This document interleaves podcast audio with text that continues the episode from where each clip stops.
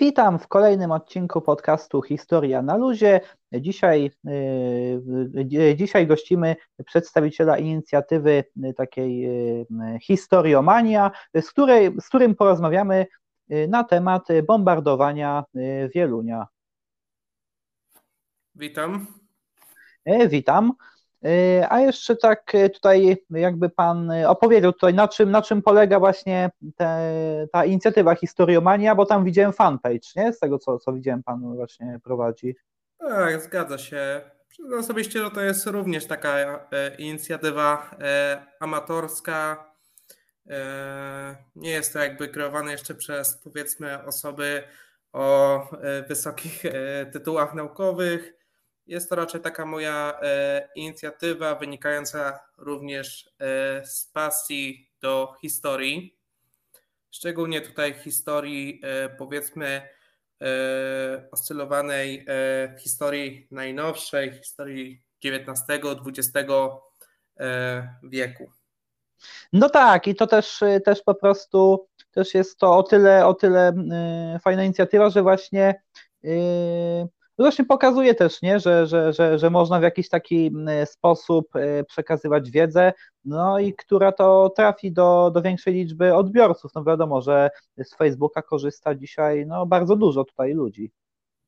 Zdecydowanie zgadzam się. Przede wszystkim przyznam, że ja też skupiam się bardziej na takich ciekawostkach historycznych niż takich powiedzmy stricte faktach, których odnajdziemy przykładowo e, w podręczniku, których uczą się e, uczniowie e, szkoły podstawowej, szkoły licealnej i tym podobnych. Staram się raczej wyszukiwać takich ciekawostek, które przykładowo można w jakichś książkach historyków znaleźć, którzy właśnie badają dany temat i właśnie z tych książek wyciągać powiedzmy właśnie te takie e, ciekawe fakty, które myślę, że nie są znane e, opinii tak publicznej powszechnie, a myślę, że są ciekawe, takie przyjemne dla e, przyjemne dla ucha. No tak, zgadza się. Zgadza się i wtedy właśnie dzięki takim ciekawostkom można też potem zainteresować ludzi historią nawet właśnie. A to tak, to się zdecydowanie zgadza. Zresztą myślę, że właśnie widać, jak ludzie gdzieś polubią właśnie jakiś dany, e, dany wpis, to tym bardziej pokazuje, że e, warto to robić. No tak. No i tu właśnie jak wspomnieliśmy na początku, tematem odcinka będzie e, właśnie tutaj bombardowanie Wielunia. No warto o tym wspominać, dlatego że no jest to jedna z pierwszych niemieckich zbrodni tutaj, nie, dokonanych podczas II wojny światowej. Tak, zdecydowanie. Myślę, że temat. Myślę, że temat, który jest już w opinii publicznej, powiedzmy, e, znany od e, powiedzmy kilku e, lat, ponieważ na przykład co roku właśnie przykładowo w Wieluniu organizowane są właśnie obchody, które upamiętniają te makabryczne wydarzenia.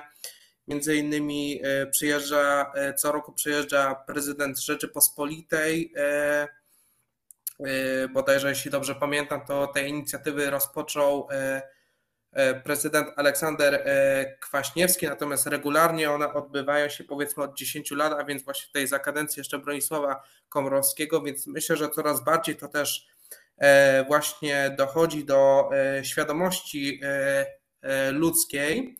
Zresztą no, wielu jest też takim, e, powiedzmy, często właśnie podawany za przykład e, e, miejsca, w którym właśnie rozpoczęła się wojna. Oczywiście to bierzemy w taki, powiedzmy, duży cudzysłów, ponieważ no, to jest naprawdę ciężko w jakiś sposób ustalić. Jest wiele innych, powiedzmy, kandydatur, które właśnie o to, powiedzmy, miano się miano się ubiegają.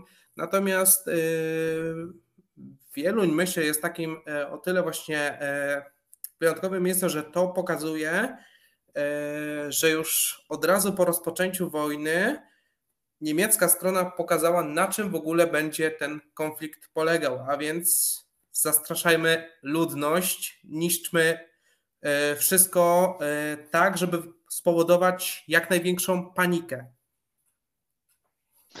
No tak, no tak, no właśnie tak jak tutaj Pan wspominał właśnie, no to tutaj trochę też są takie właśnie yy, te, te spory takie, nie? Które, które wydarzenie rozpoczęło II wojnę światową, czy właśnie na przykład bombardowanie Wielunia, czy, czy tutaj czy tutaj atak Niemców na Westerplatte właśnie, nie? Tutaj po prostu zależy, zależy z jakich, z jakich, no zależy po prostu jakimi źródłami też się ktoś posiłkuje.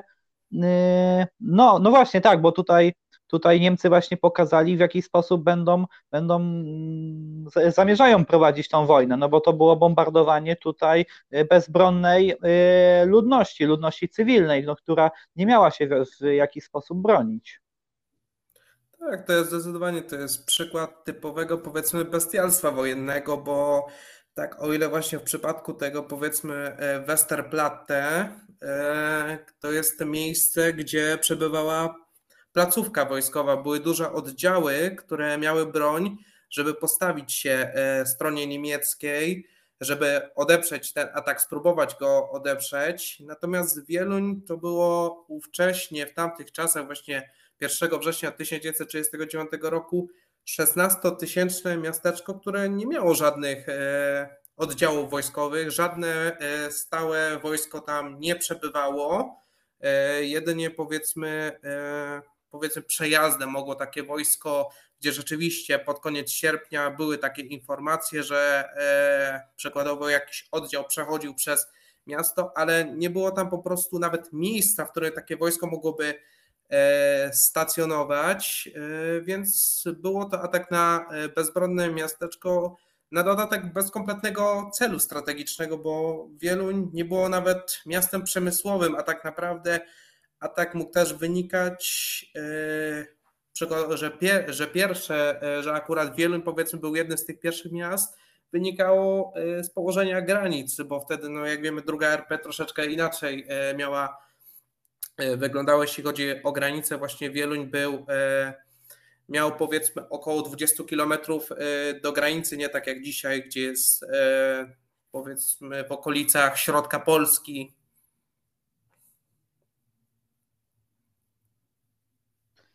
no właśnie, tak, tak, to, to się zgadza. No i właśnie tak tutaj, y, tak jak tutaj właśnie, tak jak tu Pan wspomniał właśnie, że nie był to jakiś cel strategiczny właśnie, ale, ale tak jak, y, no nie, Niemcy po prostu chcieli, chcieli pokazać w, w jaki sposób będą się obchodzić z ludnością i że no nie mają, nie, nie mają żadnej litości, no walczą nierówno, nie, na pewno. Bo straty były duże, nie, no tutaj du, dużo osób zginęło podczas tego, podczas tych bombardowań niemieckich. E, tak, jeśli dobrze pamiętam, e, podczas kiedy badało tutaj Instytut Pamięci Narodowej, badał, e, udało się ustalić tożsamość 161 ofiar, natomiast było z pewnością tych ofiar więcej, ponieważ zaraz po zakończeniu powiedzmy bombardowania, kiedy wojsko niemieckie wkroczyło do miasta, E, tak naprawdę co robiono z ciałami ofiar, to po prostu wrzucano je do masowych grobów, zakopywano, więc czasami po prostu nie wiemy, gdzie e, te osoby leżą pochowane, więc bardzo ciężko jest ustalić, ile tak naprawdę tych ofiar e, zginęło.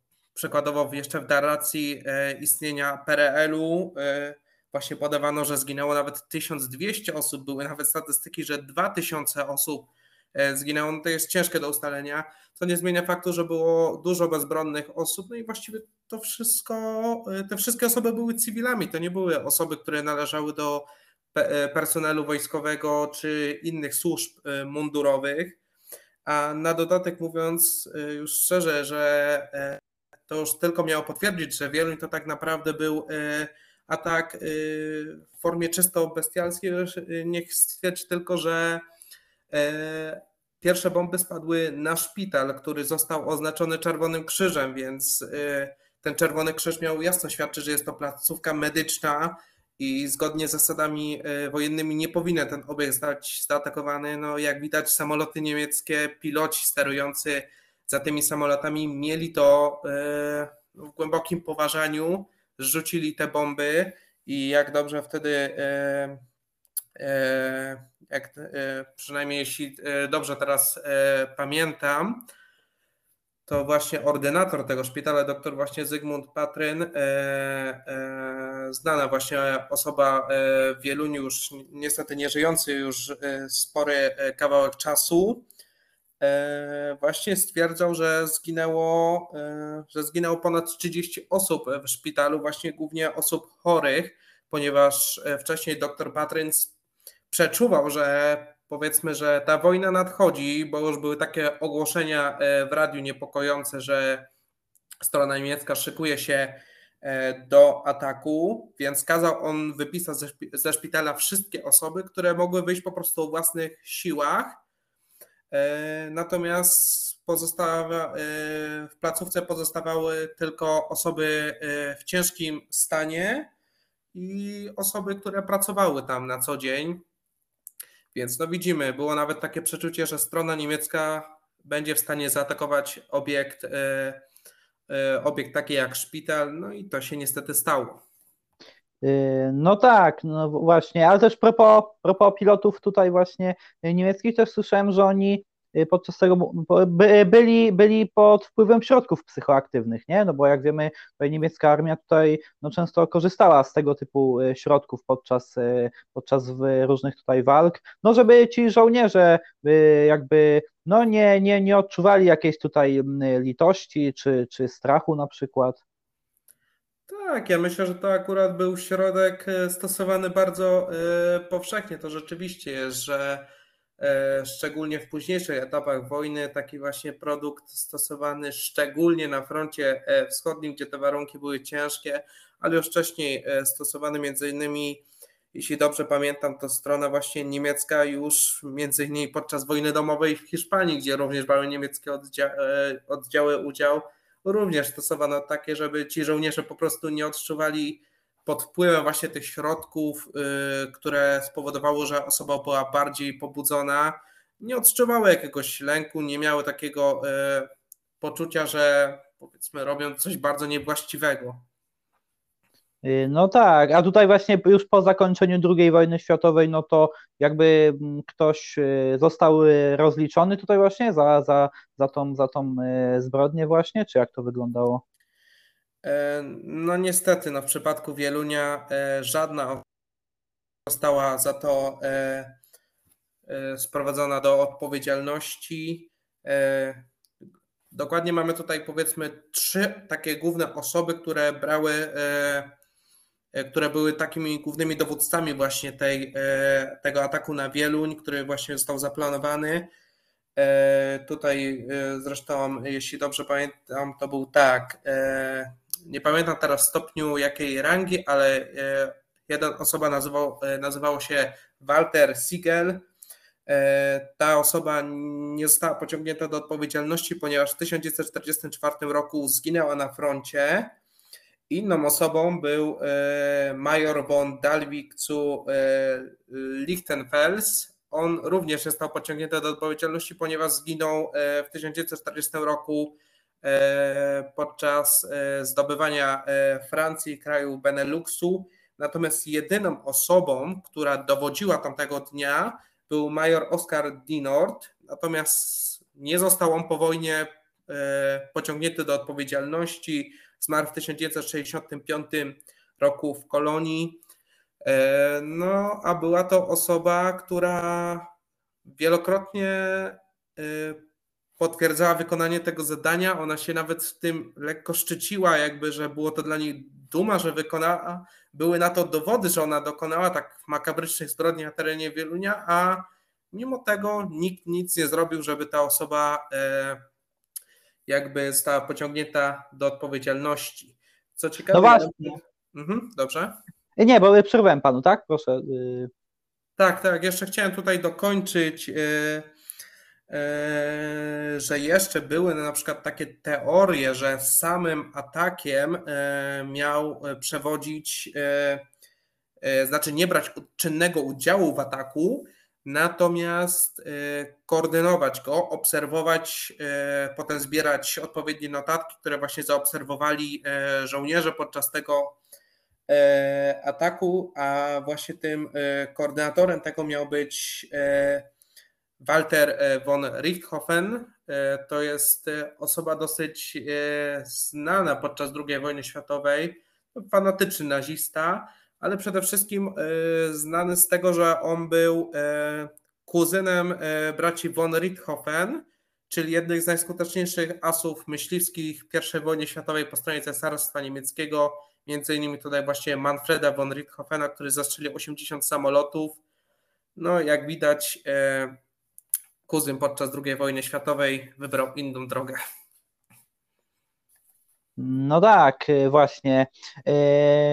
No właśnie, bo y, tutaj, tak jak Pan wspomniał właśnie, y, propos tutaj właśnie omawianego wydarzenia, no ale jeśli, jeśli weźmiemy jakieś inne, na przykład tutaj właśnie, jeżeli weźmiemy inne tutaj działania właśnie niemieckie, no to często było tak, nie, że tutaj właśnie Y, ci Niemcy, ci na przykład oprawcy, no to nie odczuwali jakiejś tutaj skruchy, nie, za, za te swoje tutaj, y, za te swoje tutaj działania, no to znaczy, że byli tak bardzo zindoktrynowani tutaj i, i, i pewnie z tego to wynikało.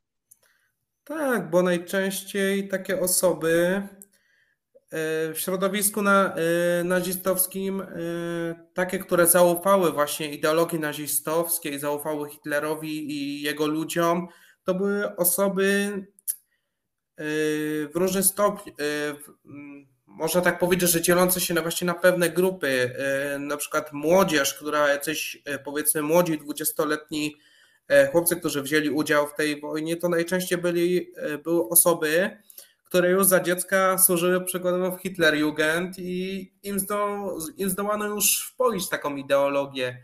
E, nieco starsi to najczęściej powiedzmy ludzie w wieku 40 lat, e, może trochę e, starsi, którzy jeszcze wzięli udział w tej wojnie, to byli weterani, to byli młodzi weterani I wojny światowej, którzy po prostu zawiedzieni tym, że strona niemiecka przegrała, postanowili odnieść się do skrajności i w ten sposób Hitler zdobywał elektorat, więc no tak, jak tutaj było wspominane, oni raczej nie odczuwali po prostu skruchy, oni byli tym załamani, że przegrali, nie mogli uwierzyć, że ponownie e, prze, e, wie, strona niemiecka przegrała. I zresztą bardzo wielu z nich do końca życia nadal pozostawała w szponach tej ideologii, nadal gdzieś powiedzmy w sferach bardziej e, podziemnych e, działała na rzecz właśnie ideologii nazistowskiej, promując i nie, e, nie chcąc doprowadzić do jej zniknięcia.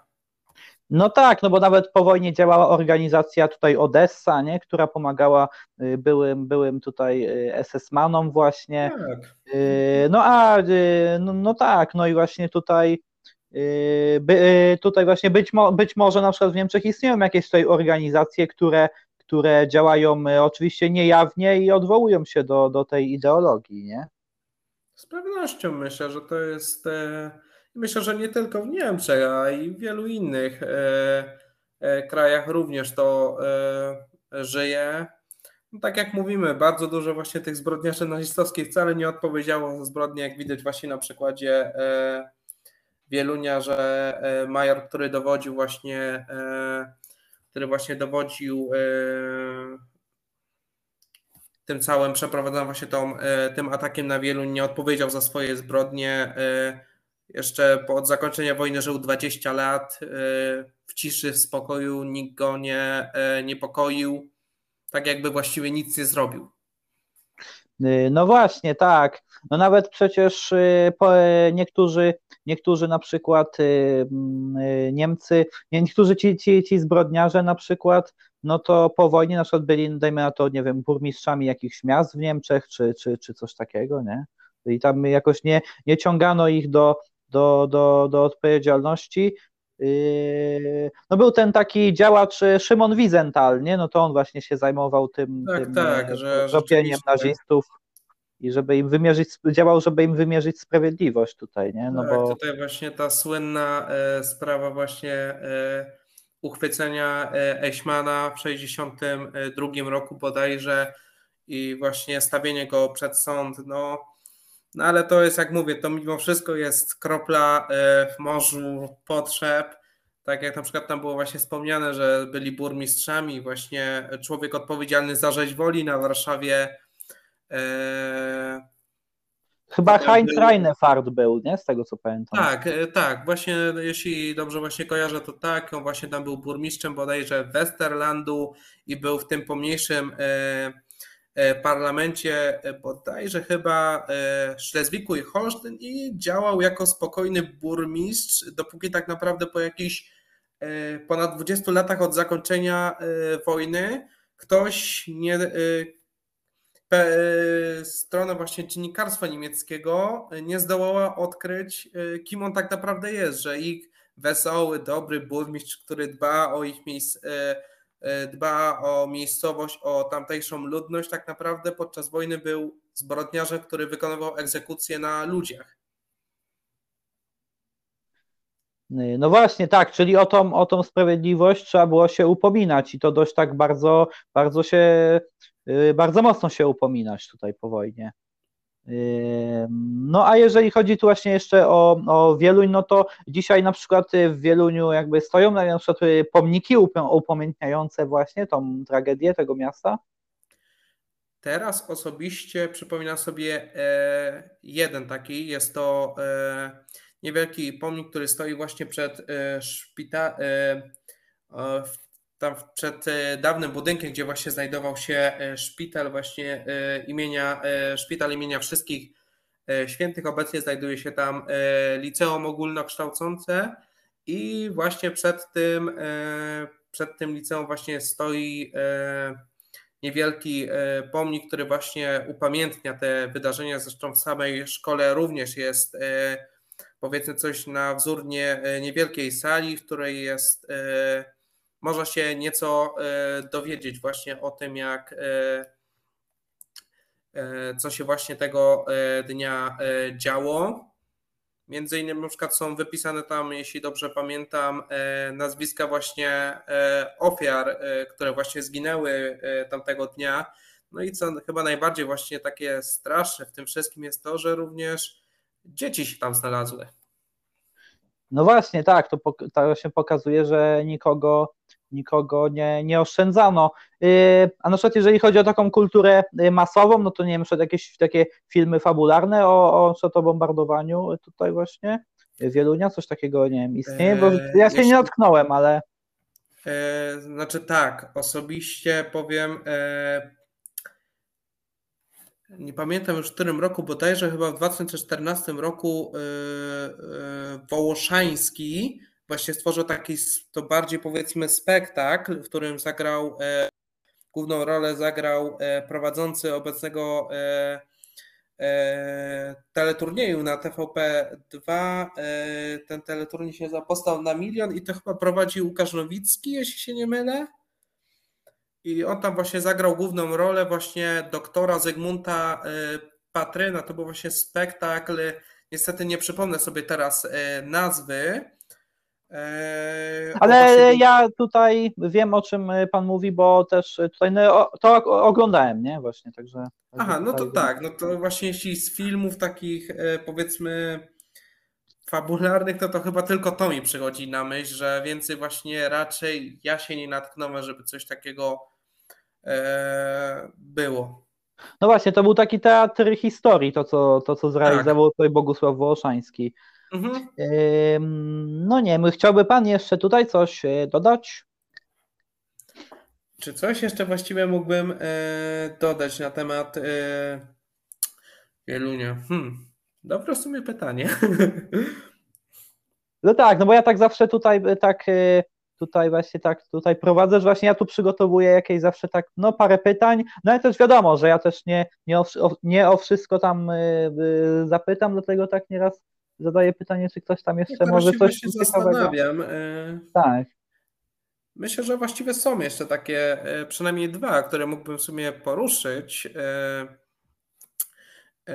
Pierwsze to może w sumie formę też zniszczeń, jakie całe bombardowanie po sobie zostawiło. E, ponieważ wedle szacunków miasto zostało zniszczone w około 70-75%. E, wiele takich ważnych wtedy budynków zostało zniszczonych, właśnie między innymi wspomniany e, Szpital Wszystkich Świętych został zniszczony. Została również zniszczona synagoga żydowska, no, ponieważ w ówczesnym Wieluniu ludność żydowska stanowiła dosyć duży odsetek ludności, prawie 40%. Natomiast taki chyba najbardziej powiedzmy obiekt, który ucierpiał, to był kościół pod wezwaniem świętego Michała. Właściwie on został nie aż tylko część jego została zniszczona, natomiast w 1940 roku Niemcy stwierdzili, że obiekt zostanie wysadzony. No i tak właśnie zdecydowano, dzisiaj można tylko podziwiać ruiny. Ale właściwie dlaczego ten obiekt jest ciekawy? Ponieważ w samych kryptach tego kościoła, a raczej ruin, y, jest pochowany y, ojciec znanego polskiego kronikarza Jana y, Długosza, który właśnie urodził się w okolicach Wielunia, dokładnie w Niedzielsku, które jest obecnie częścią Wielunia. Więc no, dzisiaj można tylko ruiny tego właśnie kościoła. Krypta jest zamurowana, nie ma do niej dostępu. No tak, właśnie, także no tak, właśnie to się, y, to się zgadza tutaj, nie? No ale, ale yy... no tak, a drugą rzecz, którą pan właśnie mówił, żeby a jeszcze? Tak, a jeszcze drugą, y, to przynajmniej dosyć ciekawe ujęcie sprawy nazewnictwa właśnie bombardowania na wielu. Tutaj, jeśli dobrze pamiętam, to właśnie znane właśnie członek e, IPN-u, e, profesor Leon Kieres, nazwał wydarzenia z Wielunia e, polską Guerniką.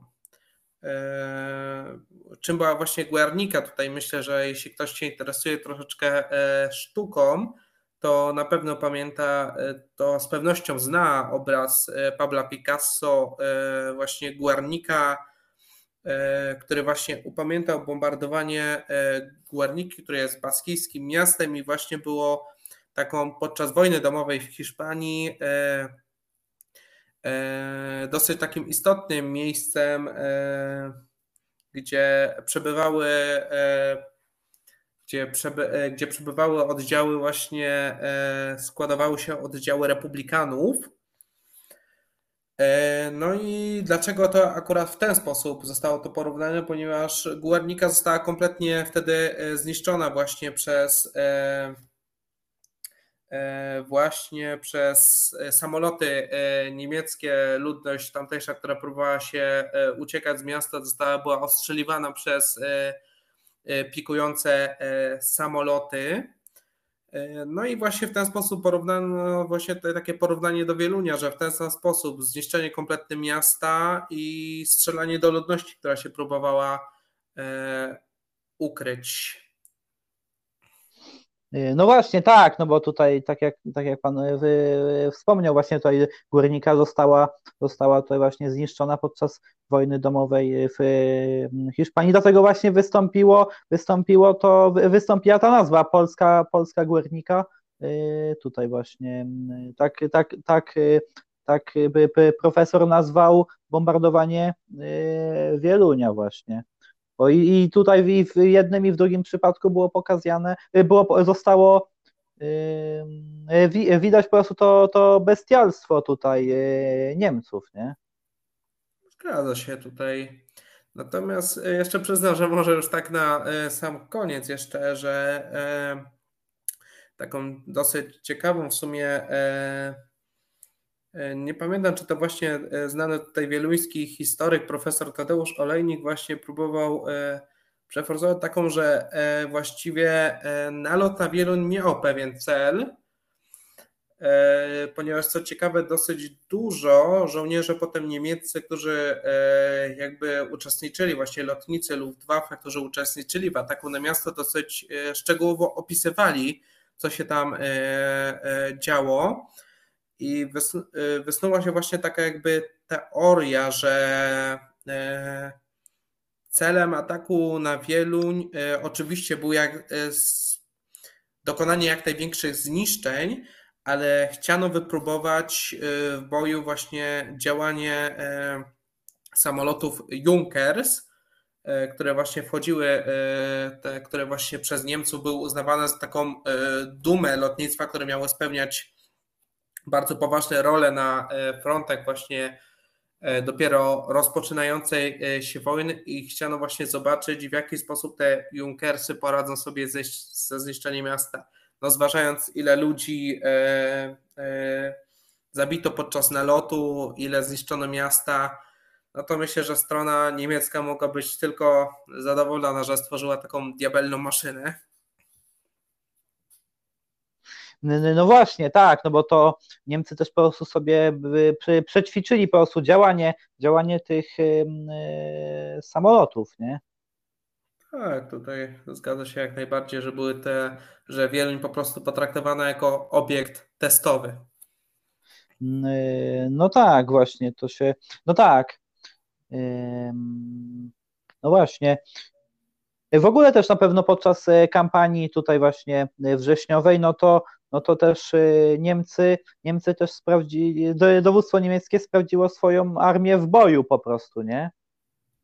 Tak, jak to w ogóle będzie e, wszystko e, e, działało. Przede wszystkim no mówimy, no wszystko jak pokazała historia polska podczas tego, tej fazy II wojny światowej została sama, więc nie, można było dokładnie sprawdzić jak zadziała Luftwaffe, czyli samoloty niemieckie, jak się sprawdzi armia Wehrmachtu w boju, no i jak się sprawdzi e, marynarka wojenna, więc wszystkie siły, to miał być właśnie taki test dla żołnierzy niemieckiej pokazania e, światu, e, z czym mają do czynienia, czyli zabójczą siłą, która ostatecznie wojnę przegrała, no ale szkód narobiła co niemiara. No tak, no bo tu Niemcy po raz pierwszy, znaczy tutaj został, została zastosowana metoda Blitzkriegu, tej wojny y, właśnie y, błyskawicznej. No i też władze niemieckie y, sprawdziły też w jaki sposób zareagują inne państwa tutaj, nie? W sensie Wielka Brytania i Francja na wieść o tym, że, że, że, że Niemcy zaatakowali Polskę.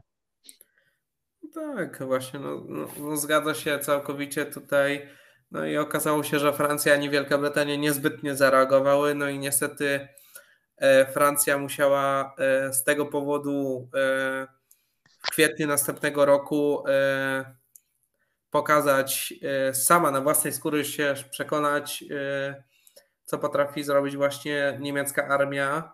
Brytyjczycy co prawda się latem 1940 roku zdołali obronić, no ale cóż, ile Luftwaffe zniszczyło celów na ziemi brytyjskiej, no to każdy wie. No więc niestety tak wyglądała ta wojna, wojna e, totalnych zniszczeń, wojna, która przyniosła wiele cierpienia, no zresztą myślę jak każda wojna. E, tak, no bo tutaj właśnie, właśnie tutaj no, z kampanii wrześniowej też państwa zachodnie jakby no gdy, y, no bo jak wiemy, kampania wrześniowa tutaj właśnie, no to ona opóźniła y, atak, y, atak tutaj właśnie wojsk niemieckich na zachód, no bo Hitler planował wysłać już na jesień tutaj właśnie wojsko swoje, żeby zaatakować państwa zachodnie, no ale dowódcy przekonali Hitlera, że kampania wrześniowa tutaj no osłabiła jednak Wehrmacht i dlatego Hitler wysłał dopiero na wiosnę 40 roku swoje tutaj wojska na podbój y, zachodniej Europy. No a y, państwa zachodnie właśnie nie wykorzystały czasu, żeby się przygotować właśnie na niemiecki atak. Tak, oczywiście też się zgodzę całkowicie. Tak, no niestety, no wiemy, to jest już e, historia, no, to co było, no dzisiaj historycy mogą debatować nad tym, co można było, co, e, a czego nie można było, jak się może było inaczej zachować. E, no, ale to jest no już tylko powiedzmy to, co e, zawód zaczęli historyka ma, czyli badać, polemizować, odkrywać nowe fakty. No, ale niestety tego nie zmienimy. Wiemy, jak ta wojna wyglądała. Właśnie, warto wyciągnąć po prostu wnioski. Znaczy warto ba badać właśnie tak jak Pan wspomniał i warto wyciągnąć wnioski tutaj, nie? Po prostu. Tak, myślę, że od tego jest właśnie hi historia, od tego są historycy, żeby wyciągać e, e, wnioski e, z tego, co się wydarzyło i edukować i pokazywać, e, że można inaczej, że można się uczyć na błędach i żeby to tak dalej nie wyglądało. No tak, warto, wa, warto, no tak właśnie, warto korzystać, y, korzystać y, z tych doświadczeń, a jednocześnie y, zwracać uwagę na obecną sytuację polityczną, żeby po prostu nie pozostać w, w tyle. No bo jeżeli chodzi o Hitlera, to warto też dodać, że no Hitler przygotował się do nowej wojny tutaj, nie? Właśnie, właśnie przygotował się do nowej wojny w takim sensie, że inni przywódcy tutaj e, państw, e, no to e, jakby inni przywódcy państw, no to myśleli po prostu, że, że ta wojna będzie wyglądać tak jak pierwsza wojna światowa, nie? a Hitler po prostu przewidział to, że, że te, te metody walki będą już inne, nie? Tak, przede wszystkim to jest ciekawe, bo no, trzeba jasno sobie spojrzeć, kim był właśnie Adolf Hitler. Był weteranem e, pierwszej e, wojny światowej. On sam od, od powiedzmy od, od samego środka widział, jak to działa, że to nie jest skuteczna wojna, to jest wojna, która wymaga bardzo dużych zasobów ludzkich, które bardzo niestety szybko się wyczerpują, bo niestety żołnierze giną w takich e, warunkach. Natomiast y, jak y, natomiast wśród powiedzmy sztabu francuskiego było jeszcze wielu generałów, którzy pamiętali pierwszą wojnę światową i sądzili, że pierwsza wojna światowa jest wyznacznikiem y, jest wyznacznikiem nowoczesnej wojny, czyli wojny bardzo długiej, krwawej. No a Hitler pokazał, że można przynajmniej w początkowych fazach dokonać blitzkriegu. Oczywiście on też bardzo przynosi dużo strat no ale jest przy okazji skuteczny. No właśnie. Mm, no dobrze, to tutaj właśnie y, y, to by chyba dzisiaj było wszystko. Nie, no bo wyczerpaliśmy raczej tutaj. Tak, myślę, najważniejsze rzeczy powiedzieliśmy. Mhm. Y, no tak, ja tutaj myślę, dziękuję że... panu za przybycie. W takim e, razie ja również dziękuję za zaproszenie. Dziękuję też słuchaczom tutaj za, za wysłuchanie y, odcinka tutaj właśnie. No i y, to by było na tyle i do usłyszenia w następnym odcinku. Do zobaczenia.